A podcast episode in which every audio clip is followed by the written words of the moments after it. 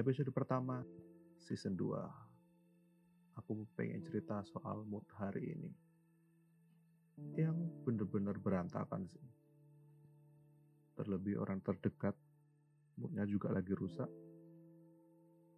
Ya makin rusak moodku. Tapi aku berusaha untuk tidak kenapa-kenapa sih. Ya udahlah, tiap orang beda-beda. Somehow mood itu kayak energi diri kita, lebih tepatnya jiwa kita. Kalau stamina itu indikasi tubuh kita seperti apa, dan mood itu indikasi dari jiwa kayak gimana. Mungkin seperti itu. Kalau salah ya silakan dikoreksi. Gak tahu kenapa bangun tidur kayak bad mood beberapa hari ini males banget buat berinteraksi dengan orang lain. Dan karena kondisi ini, jadinya capek banget untuk tetap keep in touch dengan orang lain. Kayak semuanya itu asshole. Ya, yeah, everything's like a fucked up. Bahkan beberapa momen, aku cenderung mengabaikan orang-orang yang mencoba untuk berkomunikasi bukannya aku nggak mau. Tapi aku butuh personal space. Mungkin kayak gitu sih. Ya terdengar egois. Ya udahlah ya. Mungkin sampai mood ini naik lagi dan gak tahu kapan aku bakal butuh personal space yang lumayan menghindari banyak orang. Bisa jadi hari ini atau besok mungkin moodnya kembali. Entahlah balikin mood itu nggak semudah buka pintu keluar kamar. Kebanyakan pas aku harus di luar rumah ya mau nggak mau harus pakai topeng good mood.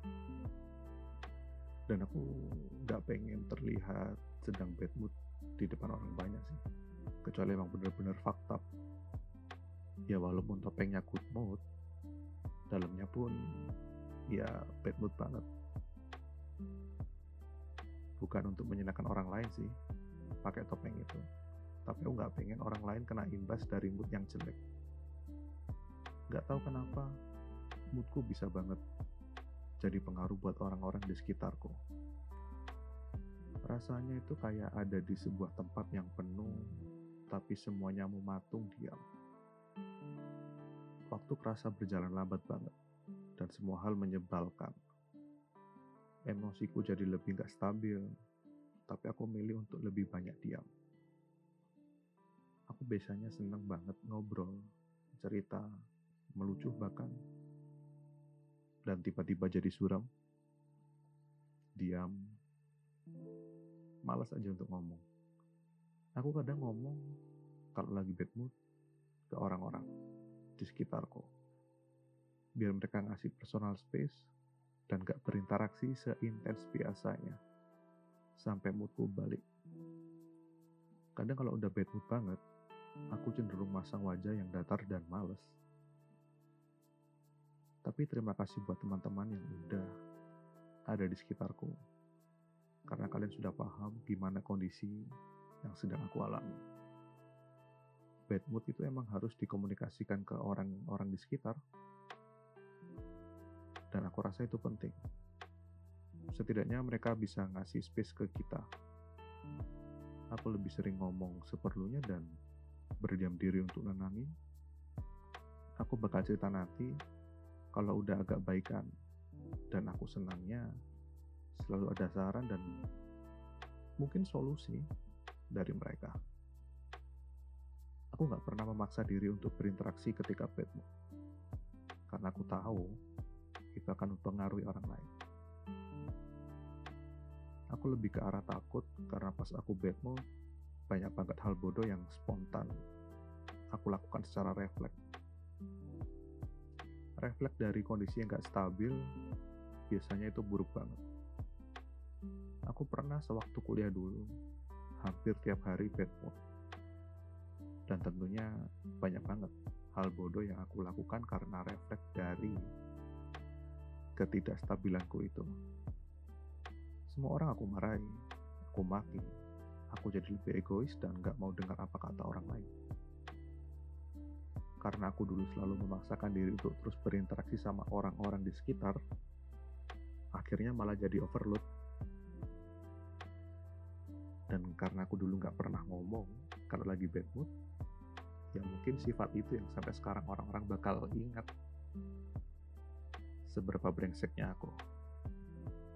Pas aku bad mood, biasanya aku gampang banget marah.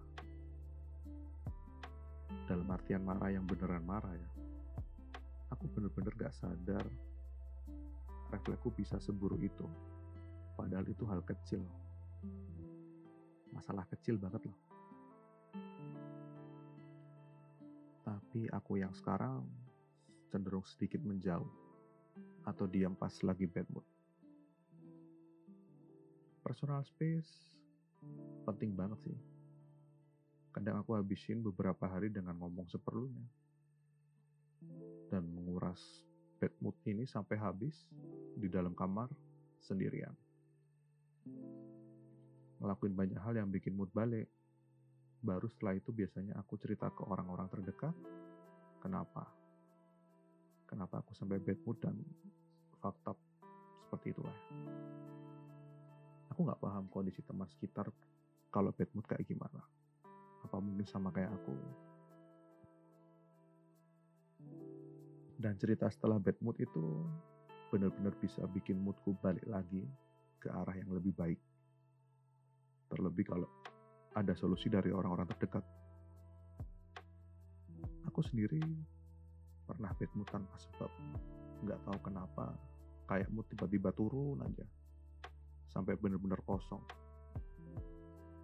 Untungnya ada teman-teman dan orang-orang yang terdekat mereka siap banget buat dengerin cerita dan ngasih solusi.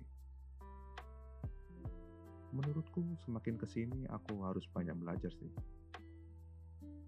Karena ngebiarin bad mood gak akan ngebuat hidupku semakin baik. Ceritakan aja apa yang kalian alami ke orang terdekat. Mungkin itu salah satu cara untuk balikin mood kalian. Kalau pengen nangis, ya nangis aja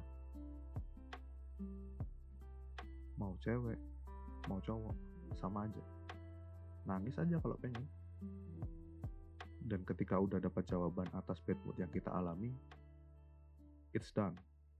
Udah selesai. Mood itu bisa kita kendalikan. Jangan sampai mood yang jelek mempengaruhi orang sekitarmu. Dan semoga besok lebih baik lagi.